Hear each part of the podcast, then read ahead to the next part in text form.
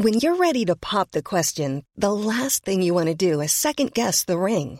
At Bluenile.com, you can design a one of a kind ring with the ease and convenience of shopping online. Choose your diamond and setting. When you find the one, you'll get it delivered right to your door. Go to Bluenile.com and use promo code LISTEN to get $50 off your purchase of $500 or more. That's code LISTEN at Bluenile.com for $50 off your purchase. Bluenile.com code LISTEN. Here's a cool fact a crocodile can't stick out its tongue. Another cool fact you can get short term health insurance for a month or just under a year in some states. United Healthcare short term insurance plans are designed for people who are between jobs, coming off their parents' plan, or turning a side hustle into a full time gig. Underwritten by Golden Rule Insurance Company, they offer flexible, budget friendly coverage with access to a nationwide network of doctors and hospitals. Get more cool facts about United Healthcare short term plans at uh1.com. Systrarna Elvstrands hästpodd är producerad av Media House by RF. Hej på er allesammans och välkomna tillbaka till systrarna Elfstrands hästpodd avsnitt 36. Mm, jag och Anna vi har precis skrattat en väldans massa för jag har varit iväg lite med Boppen på förmiddagen och då har Anna tagit eh, chansen att eh, rensa bland mina skåp här hemma. Ja, alltså, jag vet inte vad det är med mig och hösten men jag blir alltid sugen på att städa, organisera, renovera, köpa nytt. Ja, men jag vet inte, jag, jag är verkligen sån varenda höst. Jag vill Mm. ha förändringar tror jag. Ja, och eh, då har du hittat massa roligheter i mina skåp. Gamla grejer ifrån grundskolan och dagis. Ja, ni som följer oss på Instagram och följer våra stories där, ni har ju sett lite vad vi snackar om. Ja, alltså det är så roligt för att bland annat hittade jag ju ett brev som du hade skrivit det när du gick i sjätte klass. Mm. Och jag tror att uppgiften var att man skulle få läsa det i nian sen. Ja, för att se liksom vad som hade hänt med sitt liv så att säga. Ja, och jag tror att det egentligen var meningen att man skulle skriva lite mer om sig själv, hur man var. Men Emma skrev mer om typ roliga händelser som hade hänt.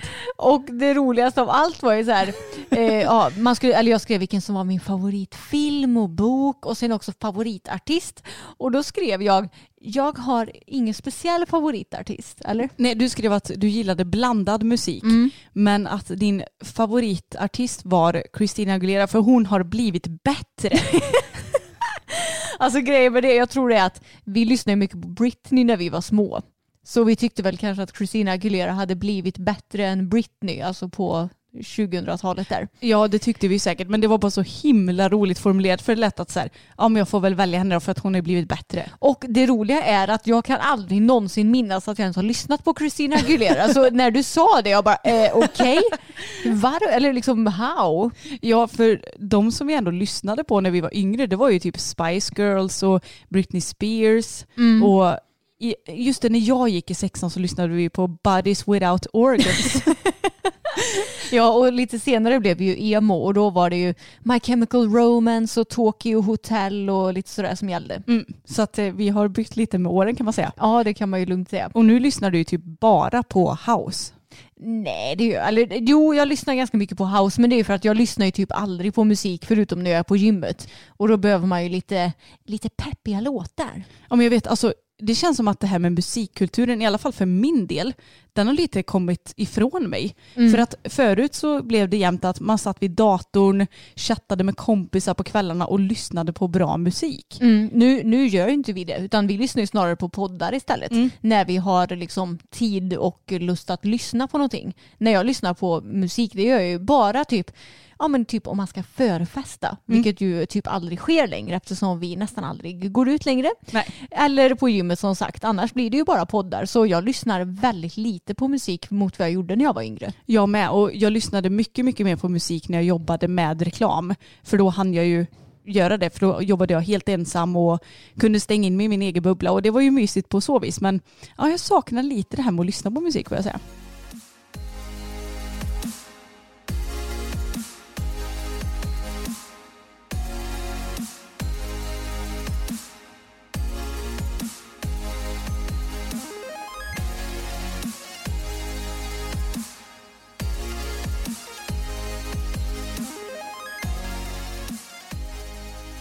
Men jag nämnde ju nyss att jag hade varit iväg idag på förmiddagen och jag har varit iväg med Boppen hos eh, tandläkaren eller veterinären ännu en gång.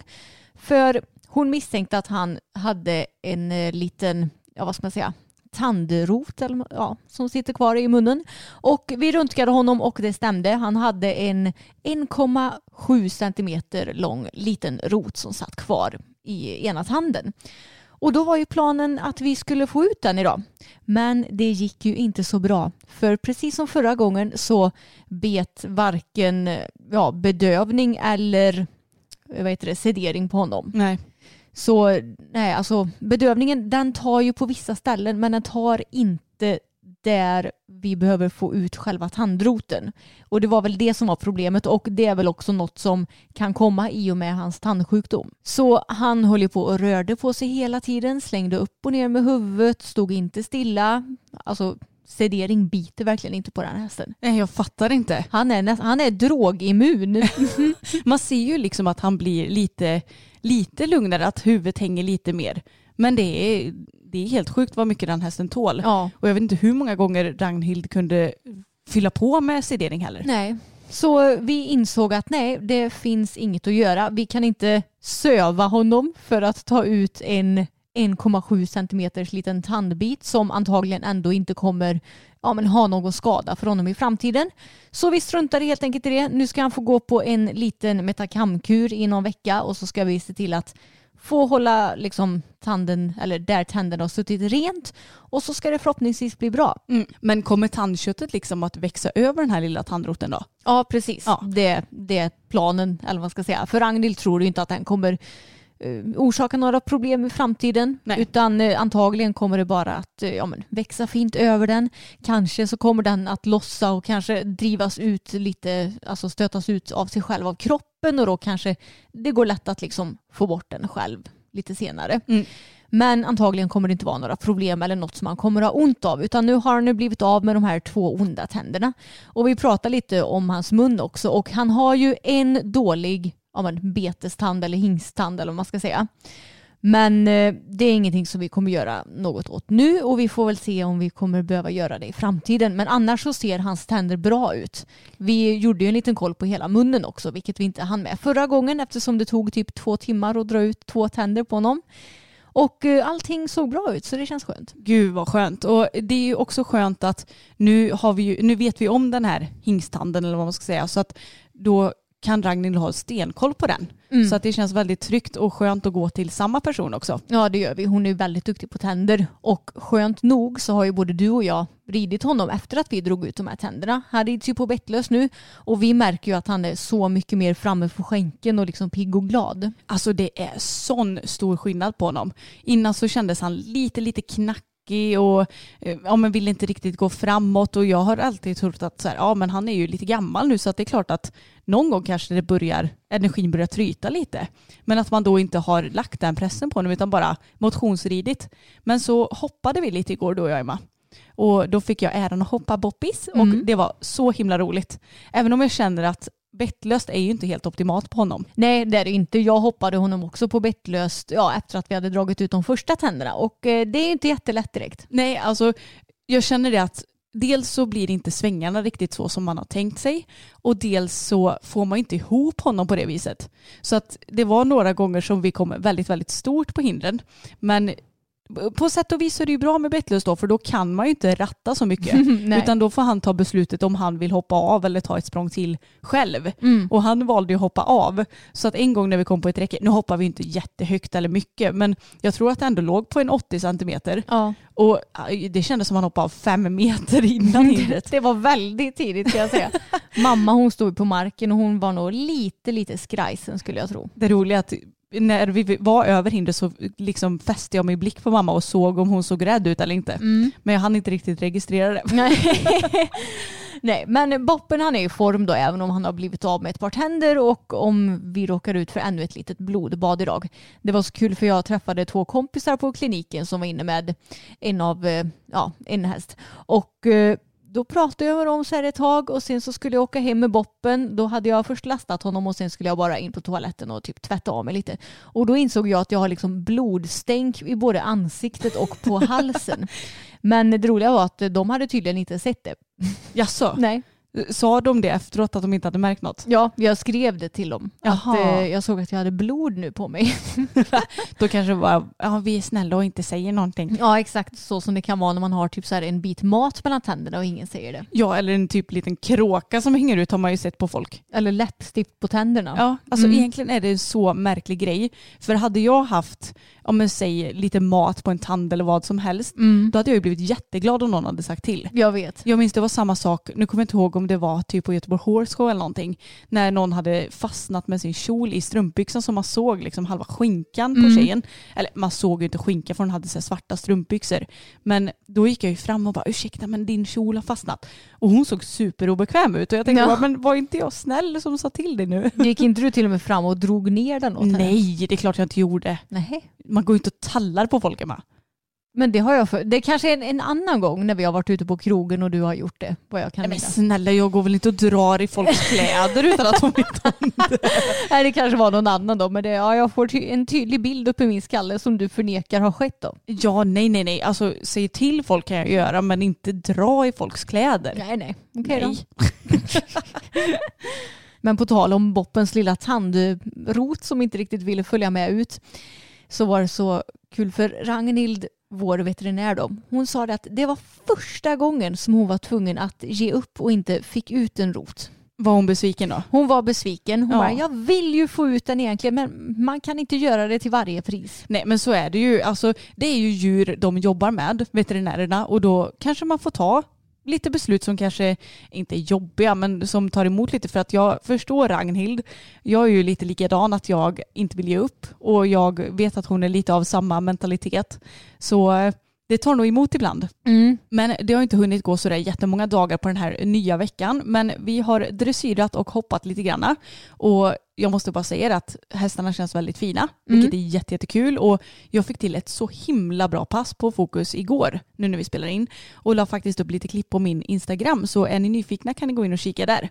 Och vi har fått så himla många fina kommentarer. Ja, jag har sett det. Ja, jag blir så glad. Och jag måste nog sätta mig någon dag och titta på våra gamla videos på, på Fokus. För att det blir så lätt att jag bara tänker framåt och vart jag vill att han ska hamna eller vad man ska säga. Alltså vad jag vill ha för ridkänsla på honom snarare än att ja, men vi ska upp på Grand Prix. Det är ju inte riktigt mitt rimliga mål eller Mm. så. Och då är det så lätt att bara blicka framåt istället för att titta lite i backspegeln. Så jag tror att jag måste söka upp några gamla videor. Det tror jag med. Men det är så kul för nu när man, eh, jag ser honom i verkligheten men även när jag kollar på din film på Instagram så ser jag ju att han ser verkligen ut att vara så här mjuk som smör och han bara flyter fram och det ser så himla enkelt ut. Och eh, så har det ju verkligen inte varit hela tiden om man säger så. Nej, inte direkt. Och han börjar bli så himla himla ridbar. Och jag får nästan nypa mig i armen över att det är min häst. Och han har ju inte alls varit så himla mjuk tidigare utan mer stretig och styv och spänd. Men det börjar lossna nu. Så att det är så himla roligt. Och vi brukar ju vara väldigt duktiga på att rida ut också mycket, vilket ni ju vet när ni följer den här podden och eh, våra vloggar och så. Men nu har vi inte hunnit rida ut den i veckan och dessutom så kommer vi ju vara lite försiktiga i framtiden. Eller den kommande tiden i alla fall. För älgjakten har startat. Mm, det har den gjort. Den startade ju för ja, några dagar sedan nu när vi spelar in det här. Men alltså Samuel, din man, han är ju jägare. Mm. Så han är väl väldigt glad nu över att älgjakten har startat. Ja, det är han ju. Men eh, jag lärde mig något nytt nu bara i veckan. Alltså jag kan ju typ ingenting om jakt. Men han sa det att varje, om det är jaktlag antar jag att det är, blir tilldelad hur många älgar de får lov att skjuta och vad för sorts älg också antar jag. Så de, de, deras lag har fått en älgkalv. Så då får inte de skjuta mer älg efter det. För det är ju för att man ska hålla nere populationen men inte att det ska gå för långt eller så. Så att man Mm. skjuter för många älgar. Så eh, ja, då vet vi det. Men är det under hela jaktperioden då? Ja, egentligen. Men hur lång är älgjaktsperioden? Jag vet inte exakt. Den är väl flera månader? Ja, eller? ja, alltså den pågår ju typ till januari, februari, något sånt Mm. Men eh, jag tänkte att vi skulle snacka lite om det här med älgjakt för att jag tror att många har respekt för det, vilket man ju absolut ska ha, men eh, lite också vad vi brukar tänka på. Har du något eh, spontant som poppar upp i huvudet? Ja men att ha på sig reflexer såklart så att man syns bra. Sen så, alltså jag är ju lite så här man behöver inte vara så knusslig. Lite den mentaliteten har jag när det kommer till sånt här. För jag tänker så, så att jägare de får ju inte skjuta så länge de inte är 100% säkra på att det är en älg de ser. Och sen så hör man ju ibland lite skräckhistorier. Åh, det var en häst som blev skjuten och bla bla bla. Ja, men det är ju typ en promille av alla liksom alla ja, jägare som finns eller något sånt där liksom. Jo, så är det ju verkligen. Men något som man kanske också ska ha i bakhuvudet är ju att man får inte störa en jakt heller. Så att ser man någon jägare eller så så får man ju vända kanske. Och det, det är otillåtet att störa jakt och eh, det är dessutom väldigt olagligt att med vilje störa en jakt. Så det är ju också kanske viktigt att ha i bakhuvudet. Menar du att vi Menar du att vi alltså inte får galoppera på våra skogsvägar nu ifall det skulle vara en jägare som sitter där någonstans? Ja, men det skulle jag nog säga att vi inte får göra. Mhm. faktiskt. För att eh, man måste respektera jakten och det ska ju vara tyst och stilla för att de ska kunna, eh, ja men djuren ska kunna komma fram så sett. Och ja, men jag tror att det, det är kanske inte alla som vet det, för jag visste nämligen inte att det var så. Och jag vet att Samuel har pratat lite om att så här, allemansrätten gäller kanske inte helt hundra ut när det är jakt som gäller, utan då får man ja, men, ha lite respekt för jägarna och lite sådär. Men eh, det brukar inte vara några problem och i våra skogar så är det inte så jättemycket jakt. Så Nej. därav så är väl kanske anledningen att vi inte vet helt hundra om all jakt och sådär. Mm. Nej, så nu i början när det har blivit älgjakt så brukar vi hålla oss till grusvägarna i alla fall de två första veckorna för att hålla oss ja, men borta från själva jakten. Men sen så kan det också vara väldigt bra om man har möjlighet att prata med det jaktlaget som är i närheten och i de skogarna som man brukar rida och se ja, men när brukar ni jaga och hur mycket är ni ute. Ni kanske kan skicka ett sms när ni vet att ni ska vara ute så att vi kan hålla oss borta den tiden och att man har lite kommunikation om man har möjlighet till det förstås. Mm, precis, men hur vet man vilket jaktlag som jagar där man brukar rida då? Ja, det får man nog ha tur att träffa på någon jägare som är där tror jag. Ja. För eh, jag har inte riktigt koll på hur det där går till faktiskt. Nej, jag har ingen aning. Nej. Utan jag har egentligen bara tänkt att ja, men när det är älgjakt så tar man på sig reflexer men man rider som vanligt. Jag hade ju ingen koll på det här du sa att man inte får störa jakt till Nej. exempel. Nej men så är det. Men det är väl egentligen så vi gör. Att på med reflexer och det är ju väldigt viktigt och att man kanske ändå är lite högljudd tänkte jag säga så att man inte smyger omkring i skogarna heller utan att störa jakt förstås. Och sen så brukar vi rida som vanligt egentligen resten av året. Det är bara de, all, de, de allra första veckorna som vi är lite extra försiktiga. Ja, precis. Man kan ju inte hålla sig till grusvägar flera månader i rad liksom. Nej för tusen vad tråkigt. Det behövs skogsvägar också. Ja. Men nu i helgen så ska jag tävla med Bella. Ska rida min första en meter med henne på två år. Så det är jag peppad och lite smått nervös inför får jag säga. Men alltså du behöver inte vara jag nervös. vet, jag vet, jag vet. Och det gick ju skitbra när du hoppade igår. Ja det gjorde det. Jag körde ju ett litet genrep och bara hoppade. Några små hinder i följd och det kändes jättebra. Även om hon är svårare att hoppa hemma eftersom hon blir lite mer oengagerad hemma än på bortaplan. Så alltså jag har börjat få till så himla effektiv ridning på henne nu mot vad jag har haft förut. Ja, jag håller verkligen med och jag sa ju det till dig igår att jag tyckte att du gjorde rätt beslut hela tiden. Mm. Och det är inte alltid man känner så. Utan ibland så kan man vara så här, fasen jag skulle inte tagit tillbaka där utan bara ridit på. Men Mm. jag, jag har inget att klaga på. Nej, men jag har blivit mer effektiv, vågar rida lite mer fram och sådär. Och när jag kollar på gamla filmer från när Vendela red Bella, alltså innan jag köpte henne, så ser ju jag att Vendela rider ju också lite på samma sätt. Hon är ju fälttävlansryttare och hon rider väldigt effektivt. Alltså både det att hon står mycket upp i lätt sits men att hon också vad ska man säga, trycker på henne lite och verkligen jobbar henne igenom svängarna och i galoppen och sådär. Mm. Och jag har nog varit lite för mesig med det ibland tror jag.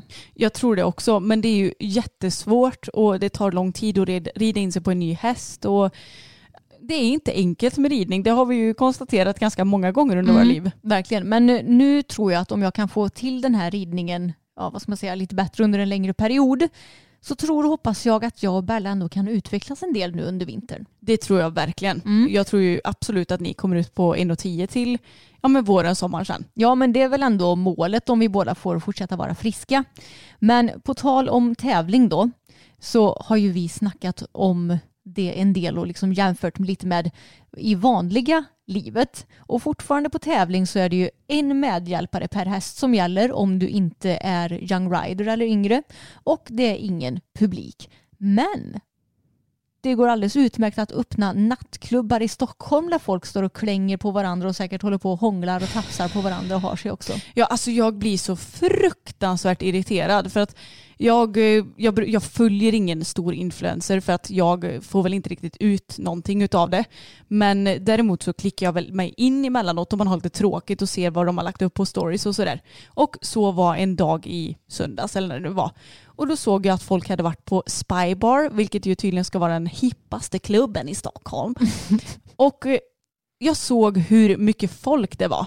Och enligt Spybar så skulle det ju vara sittande servering, sittande dans och jag vet inte hur många personer man får ta in då. Sittande dans? Ja men att man liksom... Man ja, sitter men, på en stol och viftar lite på armarna. whoop, whoop, whoop, Mm. raise your hands. Nej, men att det ändå skulle vara sittande servering och att de inte fick vara på ett vanligt dansgolv. Mm. Men det var ju riktig jävla bullshit rent ut sagt för att de stod ju på ett dansgolv och dansade. Mm. Och jag kan ändå förstå att folk saknar att klubba för att det är kul att gå ut och dansa.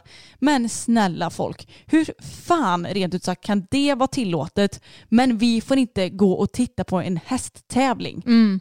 där man liksom, man sitter inte på varandra. Nej, alltså det finns inte någon som sitter och knör på någon annan på läktaren utan alla håller ju alltid avstånd oavsett om det är pandemi eller Ja, inte. och jag menar det är inte som att det hånglas på hästtävlingar heller den delen. Hoppas jag.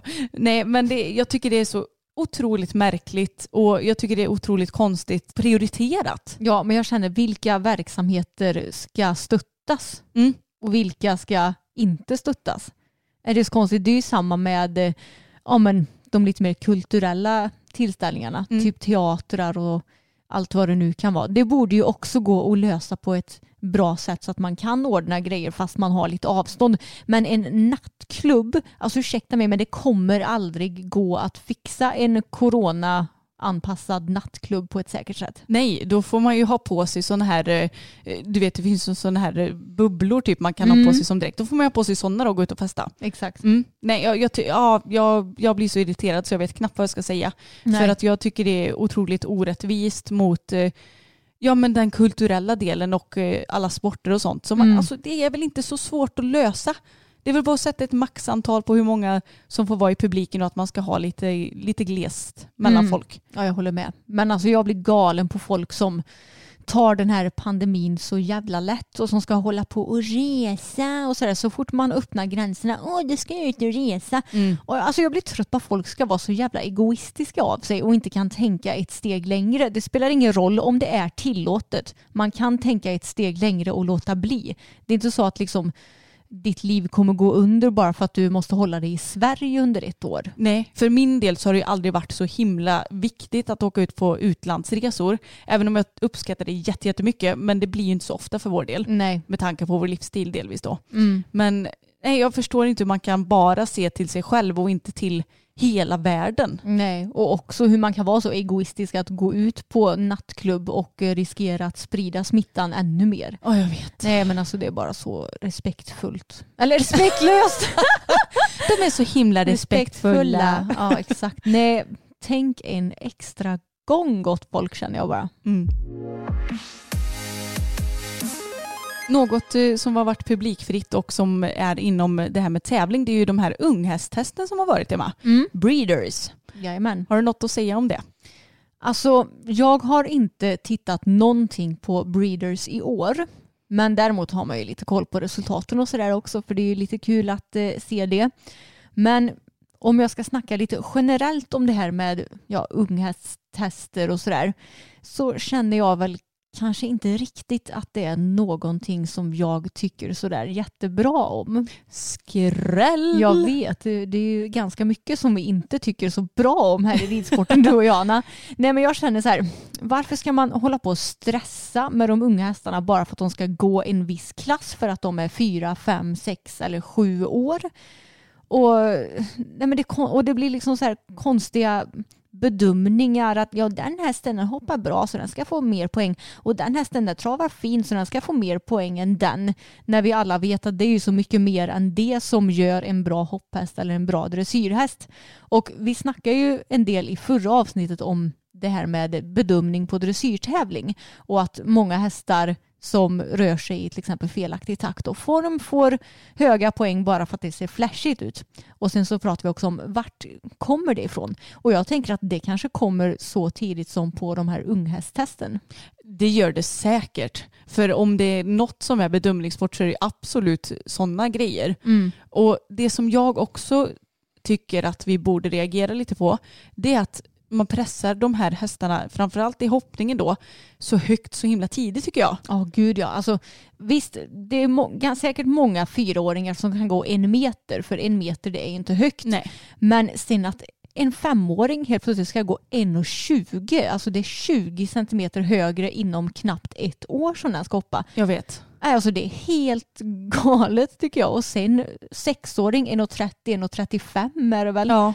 Ja, nej, alltså jag tycker det är väldigt snabbt för de unga hästarna. Ja, jag hade gärna sett att det hade fördröjts ett år. Att det kanske är 10 centimeter per år, max Mm. 15 då. Mm. För att det blir så himla himla stressat. Och de här tävlingarna sker ju ofta på hösten. Då har man ju inte hel, alltså det hade ju kanske varit en annan femma om det skett i, i december säg. För då har du ju nästan hela året på dig att träna. Men nu blir det ju i princip ett halvår. Nej det blir det ju i och för sig inte. För Jo, det det är är ju ju klasser på Falsterbo så där också. Det är Ja, många tävlingar på det, ja. sommaren som är för uh, unghästar också. också, Mm. Ja, nej. Det är ju, vi är ju överlag inte så mycket för det här med att stressa och pressa. Nej, verkligen inte. Och sen så tycker jag också att det är lite lustig bedömning ibland. För förra året till exempel så tittade jag på fyraårsfinalen i dressyr på Breeders. För då har de ju en testryttare som ska rida och bedöma hästarna. Och jag tyckte att den bedömningen var så konstig. Alltså det kunde vara eh, hästar som var liksom, såg väldigt stabila och trevliga ut i ridningen som ändå såg lösgjorda och avslappnade ut för att vara bara fyra år. Och sen kanske de fick en sjua på ridbarheten. Och sen så kommer det en annan häst där ryttaren liksom knappt kunde få ut hästen till spåret. Den var, de var typ helt galna, superduperspända, gick inte ens i form, såg jätteobekväma ut. Och då kunde de få en åtta och en halva på ridbarheten. Ja, det är supermärkligt för att även om jag förstår att de här lite lugnare hästarna, säg att de inte hade lika bra gångarter då, då kanske de inte behöver få så mycket på gångarter då. Men då ska de ju fortfarande ha högt på ridbarheten. Jag vet. Och de här spända hästarna ska ju inte få högt på ridbarhet. Nej, jag tyckte det var skitmärklig bedömning verkligen och då känner jag bara, men vad är det som bedöms? Så det är alltså inte en bra ridbarhet med en lugn, avslappnad, lösgjord Hey, it's Paige DeSorbo from Giggly Squad. High quality fashion without the price tag. Say hello to Quince.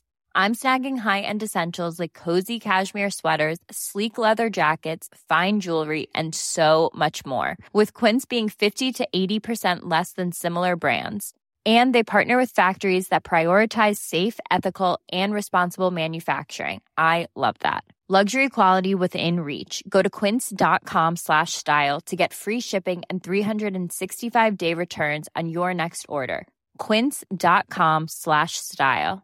Many of us have those stubborn pounds that seem impossible to lose, no matter how good we eat or how hard we work out. My solution is plush care. Plush care is a leading telehealth provider with doctors who are there for you day and night to partner with you in your weight loss journey. They can prescribe FDA-approved weight loss medications like Wagovi and Zepbound for those who qualify. Plus, they accept most insurance plans. To get started, visit plushcare.com slash weight loss. That's plushcare.com slash weight loss.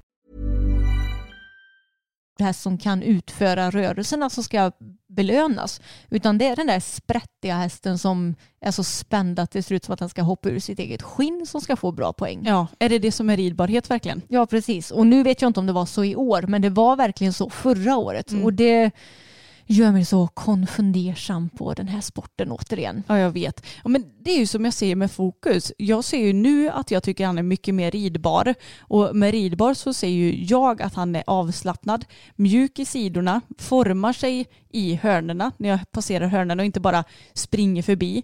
Istället för att vara spänd, stel, eh, inte forma sig för min skänkel för fem öre.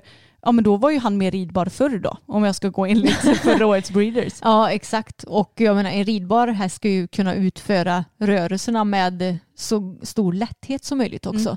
Och en häst kan ju inte ens utföra en rörelse om den är så fruktansvärt spänd liksom. Nej, det är märkligt det där tycker jag. Ja, jag håller verkligen med. Något som också är tävlingsrelaterat som jag har tänkt på, det är att det känns som att folk överlag är ganska dåliga på att skriva ut på sociala medier när det inte har gått så himla bra. Respektive när det har blivit en felfri runda så skriver man liksom att ja men det kändes himla bra idag, vi blev felfria, eh, Rosette med hem eller blev inte placerad men fick en fin runda. Men så fort man har fått något, något pet eller ännu fler fel än så, då skrivs det liksom inte ut. Nej, utan då kan man istället skriva fick en så himla bra känsla idag och så går man in och kollar på ekip och då var det fyra eller åtta fel eller kanske till och med tolv fel eller vad Mm. det nu kan vara. Och alltså jag kan bli så trött på det här.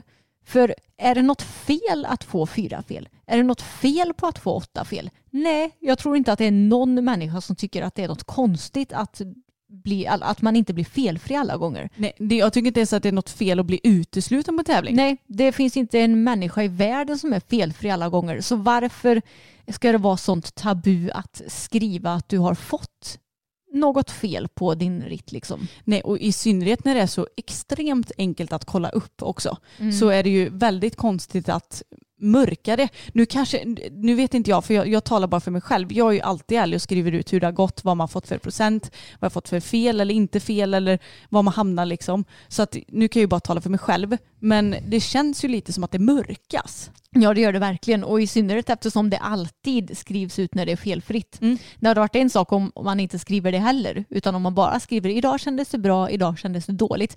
Men resultatet är helt plötsligt väldigt viktigt när det har blivit felfritt eller att man har fått kanske jättehöga procent i dressyren. Men jag tänker mest på hoppning när vi snackar om det här. Ja, men det är jag också. Och jag tycker det är så himla märkligt fenomen för att jag menar när vi är ute och tävlar med våra hästar så är det så extremt mycket som spelar in för hur det går. Både att det kanske kan vara en helt ny tävlingsplats för hästen, att det, den inte är van vid den miljön så den kanske blir lite spänd och man inte har tränat tillräckligt mycket på en sak. Det kan ske att, ja men säg att ett barn trillar på läktaren och att hästen inte är van vid det så den blir skrämd och får med sig en bom eller att man inte är fokuserad själv så att man kanske tabbar sig på något hinder eller man glömmer banan eller det kan, alltså det kan ske vad som helst. Och jag tycker inte att någonting är konstigt. Nej, inte jag heller. Och det som är roligt också det är ju om man ska prata om Instagram till exempel, vilket ju är det sociala mediet som vi tänker på främst då när vi snackar om det här ämnet, det är att de här personerna som kanske lägger ut filmer, de lägger heller aldrig ut filmer när hästen river. Utan då har de klippt lite i filmen som att, så att man aldrig ens får se rivningen som sker. Utan de klipper bara med godbitarna så att säga. Så man får ju bara se det som är positivt. Och det, det gör dig ju inte till någon bra influencer skulle jag säga utan ska du vara en bra förebild så ska du också visa det som är mindre bra tycker jag. Våga visa att du inte är perfekt. Ja, men jag tycker det också. Och sen kan jag tycka att det är så lustigt att det pratas ofta väldigt, väldigt mycket om att vi ska visa upp både bra och dåliga sidor. Och många är väl också bra på att göra det faktiskt.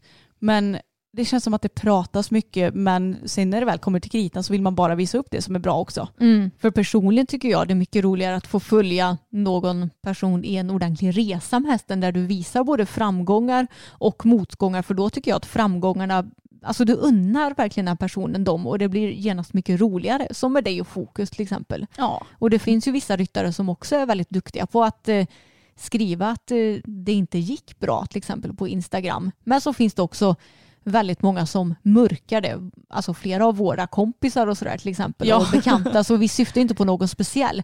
Utan vi har ju bara tänkt på att det är ett väldigt vanligt förekommande fenomen. Exakt, det är ett väldigt generellt fenomen. Ja, som vi inte själva stämmer in på. För till exempel när du var ute på din och Fokus första tävling, då var ju du supernöjd. Ni hade ju fått ett stopp och eh, två tidsspel eftersom du lät det ta lite tid på dig. Och eh, om du hade varit som de här eh, eh, perfektionist-instaryttarna, då hade ju du kanske skrivit idag var Fokus ute på sin första tävling och det gick så himla bra. Jag fick jättebra känsla. Jag är så nöjd. Och så hade du inte skrivit någonting om resultatet. Mm. Men nu skrev ju du också med resultatet i din Instagram-bild. Ja, alltså jag, skrev ju egentligen precis så som du sa men jag berättade också om mina fel. Exakt. Och jag tycker att det ändå är ganska viktigt att visa att ja men herregud, jag vet knappt hur många felfria rundor jag har haft. Det har inte varit särskilt många under min livstid för att det har alltid typ blivit ett skitpet. Eller typ tre skitpet med boppen några gånger också. Men, eller nej jag ska inte säga att det är skitpet. Ett skitpet är när man får in en liten, liten tå. Mm. Och eh, sen så kan det finnas andra tillfällen när man river. Men skitsamma. Jag tycker i alla fall att det är viktigt att vi pratar om det här och att vi faktiskt visar att det inte alltid går bäst. Ja, och att vi också visar att man kan vara jättenöjd över en ritt även om man har fått ett eller två eller tre pet eller vad det nu må vara. Ja. Det är ju inte resultatet som spelar någon roll. Men på vissa ryttare verkar det ju som om resultatet är det enda som räknas för ifall du har ridit en bra ritt eller inte. Eller ifall den ritten är värd att visas på YouTube eller Instagram eller vad det nu må vara. Ja, och jag tycker det är så tråkigt för att det känns lite som att det är så här ridsporten i ett nötskal också.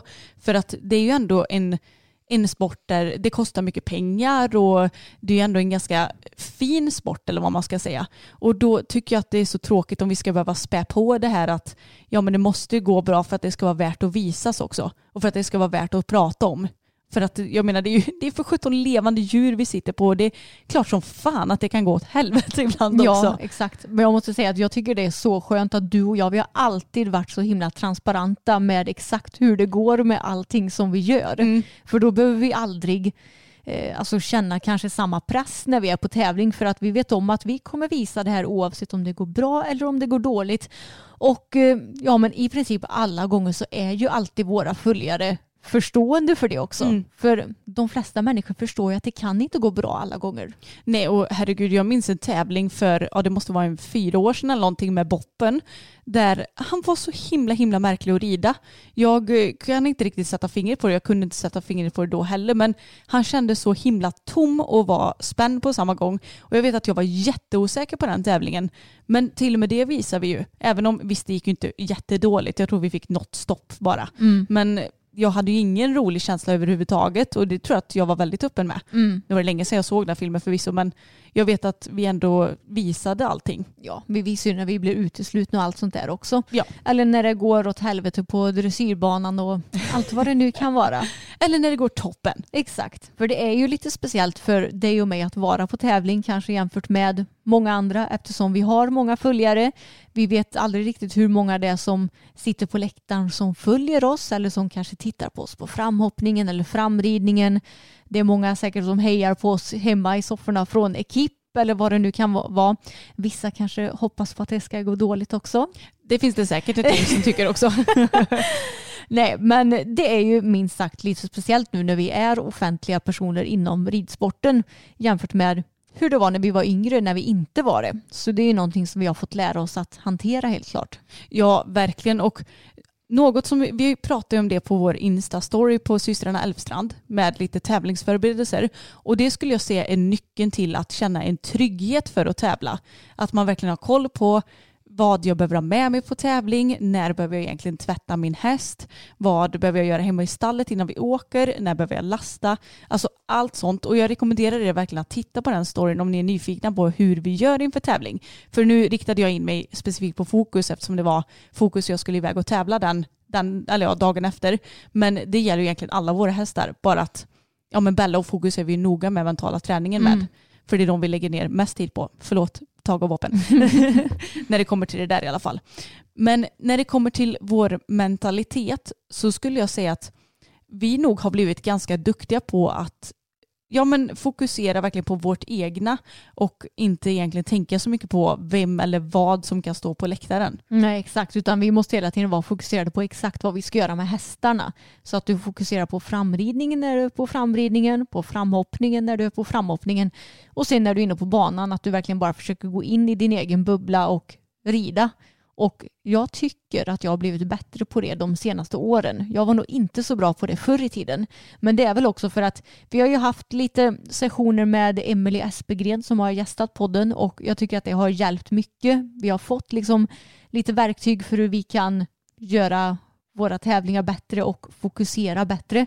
Och sen så har vi också blivit bättre på att vad ska man säga, ta hand om oss själva också. Vi tränar bra, vi tänker på vad vi ska äta inför tävling och eh, tänker även på det mentala och har det tänket med oss både dagen, veckan innan och samma dag. Precis, vi tänker mycket mer långsiktigt nu mot vad vi gjorde innan.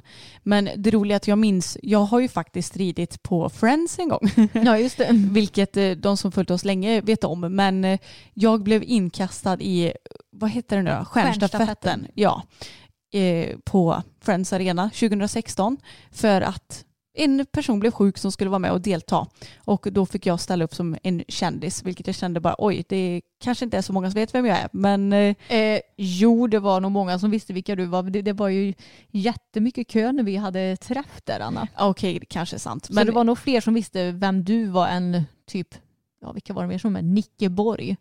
Det är kanske inte så jättemånga som vet vem han är. Nej okej sant, men man blir ju lite så här att ja men det är väl ingen som vet vem jag är.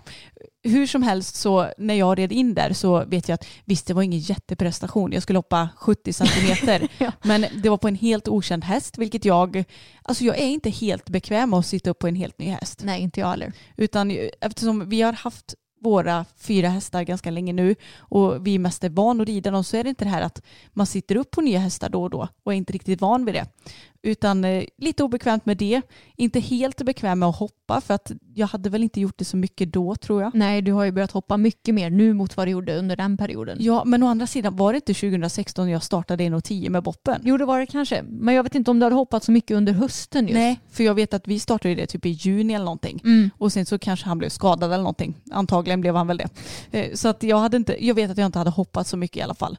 Men jag är ändå så stolt över mig själv så här i efterhand också för att jag vet att när jag red in på arenan så slog jag liksom en blick över publiken och tänkte att oj, jag sitter mycket människor. Men sen så tog det en halv sekund så kom jag på att just det, jag måste visa hästen banan. För att nog för att han hade gjort det där innan och var ändå van vid att, att gå på, på den arenan så kände jag att jag, nu måste jag ju faktiskt fokusera här för att det är en tävling och jag måste ju försöka det här till 100 procent annars är det ingen idé att jag är här. Även om det inte är så att jag har kvalat in till, till eh, Stockholm Horse Show eller så. Men eh, nej, det var jättekul och jag tror att det var nog där någonstans som vi började ändå bli lite bättre på vår mentala hälsa, eller hälsa, men eh, mentalitet inför tävling. Mm, jo men det tror jag. Och nu hoppas jag att jag kommer kunna vara så pass bra även nu i helgen. Så att jag verkligen, för jag tror det blir så lätt på tävling att du inte rider lika effektivt kanske som du gör på träning utan du börjar tänka på så mycket annat istället. Och det är nog det som är problemet på både hopp och dressyrbana för många. Ja, och att man kanske gärna tänker på att åh, jag vill så himla gärna att det ska gå bra. Mm. Vad kul det hade varit med att få med sig en placering hem idag. Men jag menar, det är ju helt onödiga tankar för att du kan ju inte påverka hur bra de andra personerna rider i startfältet. Nej, du kan bara påverka hur du rider. Ja. Och då är det skitsamma att tänka på hur de andra rider. Ja, tänk inte att du ska få en placering utan tänk hur du ska rida banan istället. Mm. Och sen om det går tillräckligt bra, ja då får du en placering. Och om inte så är det ju bara att träna vidare så kommer det en annan gång istället. Exakt, och då får man väl bara vara nöjd med den prestationen man lyckats med på den tävlingen. Exakt, och sen så får man också faktiskt acceptera att det kan gå dåligt ibland. Mm. Det har ju gått dåligt med Bella flera gånger liksom. och det är någonting som jag har fått acceptera och det har ju berott på att jag har förberett henne för dåligt mentalt, att hon kanske har blivit spänd så att jag inte har fått till någon bra känsla. Och ja, men, saker går ju inte alltid som man har tänkt sig. Nej, och man blir oftast lite girig när det har gått bra ett tag också. Ja. För jag menar i början med Bella så var hon ju typ felfri hela tiden med dig och hade ju även varit det med föregående ryttare som red mm. henne. Så då blir det lätt att man tänker att ja men det här är ju en riktig felfri maskin. Mm. Och att man kanske har lite det i sinnet också. Men det är så viktigt att tänka på att det är faktiskt ni som ekipage som ska prestera och det, är, det finns ingen häst som är en maskin. Nej, så är det verkligen. Och på tal om det här med föregående ryttare så tror jag att det är ett fenomen man måste tänka på om man tar över en häst från någon annan. Både om det gäller en häst som kanske inte har tävlat så jättemycket men kanske framförallt när man köper en häst som är en läromästare som kanske har gått eh, ganska högt och som har varit jätteduktig med föregående ryttare så tror jag att det är jätte, jätteenkelt att lägga press på sig själv och att man tänker att ja men nu har det gått så bra med den här ryttaren så att nu måste jag också visa att jag kan rida felfritt. Men jag tror att man måste försöka att släppa all press. Mm, ja men så kunde jag lite känna för jag köpte ju Bella när hon var fem år och eh, Hon hade väl startat fem starter det året innan jag köpte henne med Vendela Eriksdotter Rubin. Och Vendela är ju, ja jag skulle säga Sveriges bästa unga fälttävlansryttare.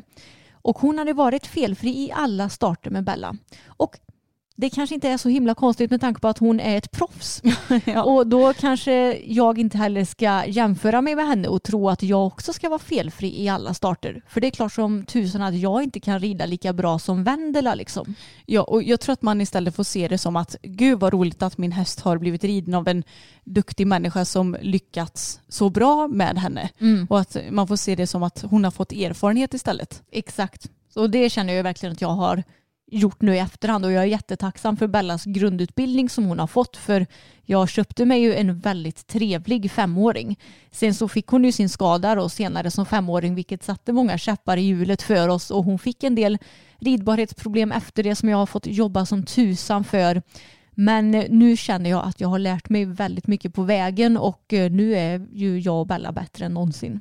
Jag håller verkligen med och det syns på er att ni utstrålar ett helt annat självförtroende nu mm. än vad ni gjorde innan. Ja, men jag känner mig mycket mer självsäker också.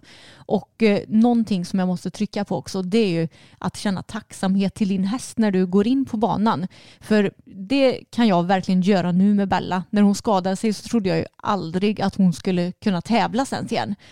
Och jag är så tacksam över att jag ens kan komma ut och tävla med henne. Och när jag kommer in på en tävlingsbana så kan jag bara känna wow vad kul att jag får göra det här med min häst igen. Och då utstrålar ju hela jag ett lugn och en glädje som jag smittar av mig till henne. Och det är klart att då går det mycket bättre än om jag ska rida in på en bana och bara åh gud vad nervös jag är och nu måste jag rida felfritt mm. och bla bla bla. Och vad många det står i publiken och där står ju hon och, och, och gud vad högt det är ja. och att man eh, bara får en massa negativa tankar. Mm, exakt. Men det här med tacksamhet är ju någonting som Emelie Espegren har pratat mycket om. Mm. Och det har jag också tagit till mig väldigt mycket. Och jag skrev om det i vår Insta-story om tävlingsförberedelser att när jag rider in på banan och har visat hästen allting och sådär och även på dressyrbanan gör jag ju så att när vi fått startsignal så kan jag säga det till hästen att kom igen nu kör vi. Att jag liksom mm. ger lite peppiga ja. ord till dem. Och det kan låta hur jäkla tuntigt som helst.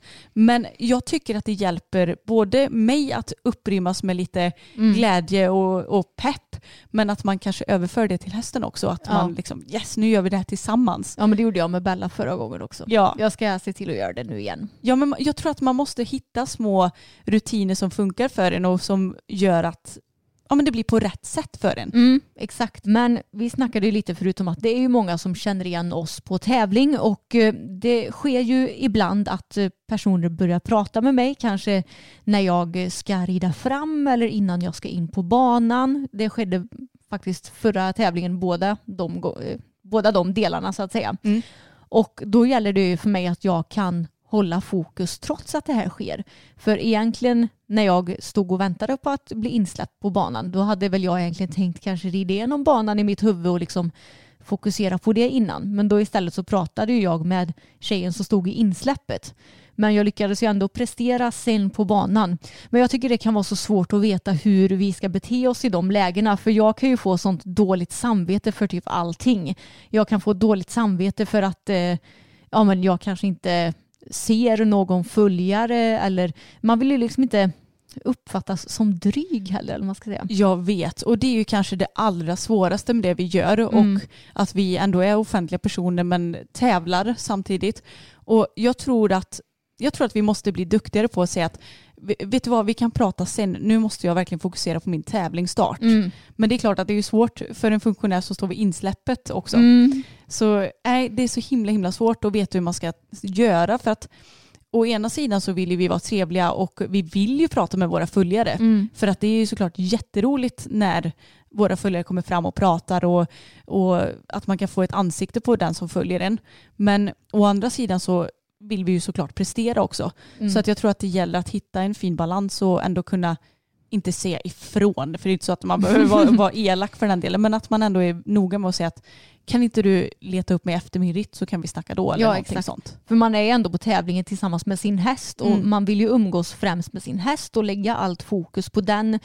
Och Och eh, det blir ju lite svårt när folk skulle få prata med en. Alltså jag vill ju inte heller prata med folk jag känner innan min start. Nej. Alltså ska jag göra i ordning min häst då vill jag göra i ordning den utan att någon stör. Ska jag rida fram vill jag rida fram utan att någon stör. Och det kvittar ju vilken människa det är. Jo men så är det ju så att det, det är inte så specifikt mot okända folk. Men om ni lyssnar på det här och ser oss på någon tävling så går det såklart jättebra att prata om oss men gör det gärna efter en start då i så fall. Ja precis. Det kan man ju titta i Ekip att ja men nu har Emma startat klart sin start så då kan vi gå och snacka lite. Ja men exakt. Det, det blir mycket bättre timing än att eh, det ska ske när vi är stressade och försöker fokusera på något annat helt enkelt. Mm. Och något av det kanske svåraste också det är ju när det inte har gått så himla bra och man kanske är lite besviken. För det är också okej att känna sig besviken över en tävlingsstart. Man måste inte hela tiden känna att ja ja men eh, det tar vi nästa gång utan ibland kan man bara vara ledsen över en tävlingsstart. Och då är det väldigt svårt om folk kommer fram mitt i en besvikelse. Ja exakt.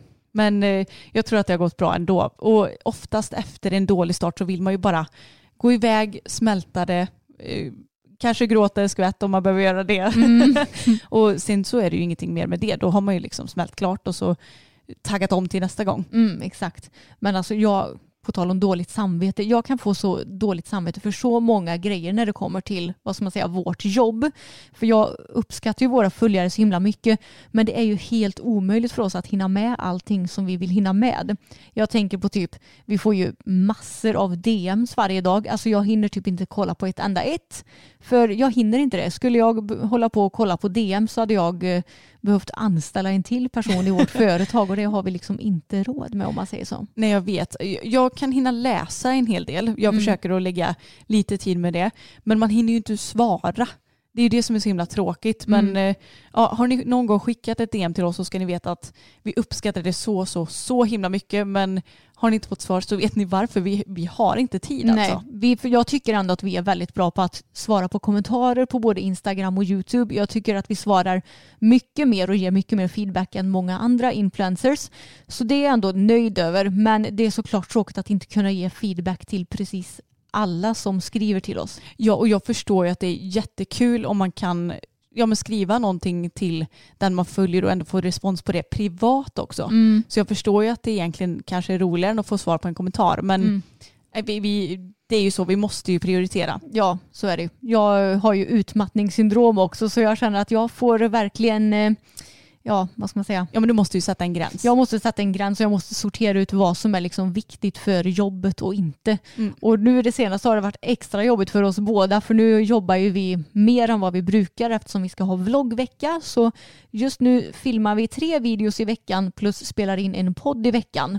eh, det är lite väl mycket kan man ju säga. ja, Både men, du och jag sover ganska dåligt nu. ja, vi gör ju det. Men snart så kommer det vara klart och då kan vi pusta ut lite igen. ja, men kort och gott om tävling då och det viktiga är ju att behålla fokus, helt klart. Och försöka fokusera på rätt grej och inte låta någon nervositet eller någon osäkerhet ta över.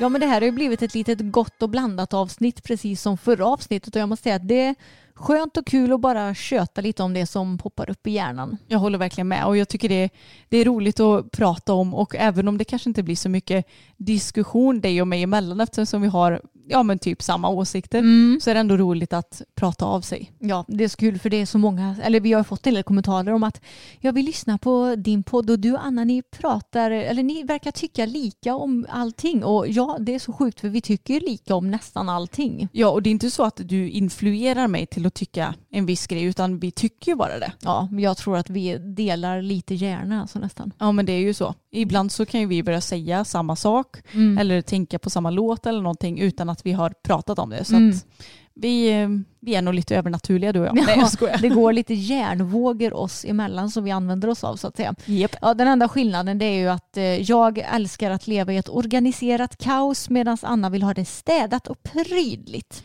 Ja helst. Sen så kan jag ju vara ganska duktig på att stöka ner också ska jag erkänna. Jo, det är du. Det är det som är så kul. Du är väldigt duktig på att stöka ner här hos mig. Men ursäkta det är du som stökar ner.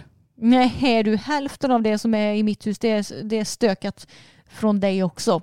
Nej. Jo, du, vi Nej. får, jo. Hästgrejer och grejer till företaget och allt vad det var. Och så dina gamla diskgrejer och allt vad du kan vara. Jaha, du menar mina matlådor? Mm. Jag tänkte vad har jag med mig för gamla diskgrejer? har jag med en diskbörste? Ja, precis. Nej, så jag har lite att städa från dig också. Så det är inte mer än rätt att du har städat nu idag åt mig. Nej jag vet. Men jag ska faktiskt fortsätta och eh, plocka in i det skåpet som jag börjat i. Ja, jag, Sen får, får det vara bra tror jag. ja, och jag ska sätta mig ner och redigera en film nu. Woohoo. Men eh, ni får ha det så jättebra allihopa. Tack för att ni lyssnat på det här avsnittet. Och vi hörs igen nästa vecka helt enkelt. Det gör vi. Hej då!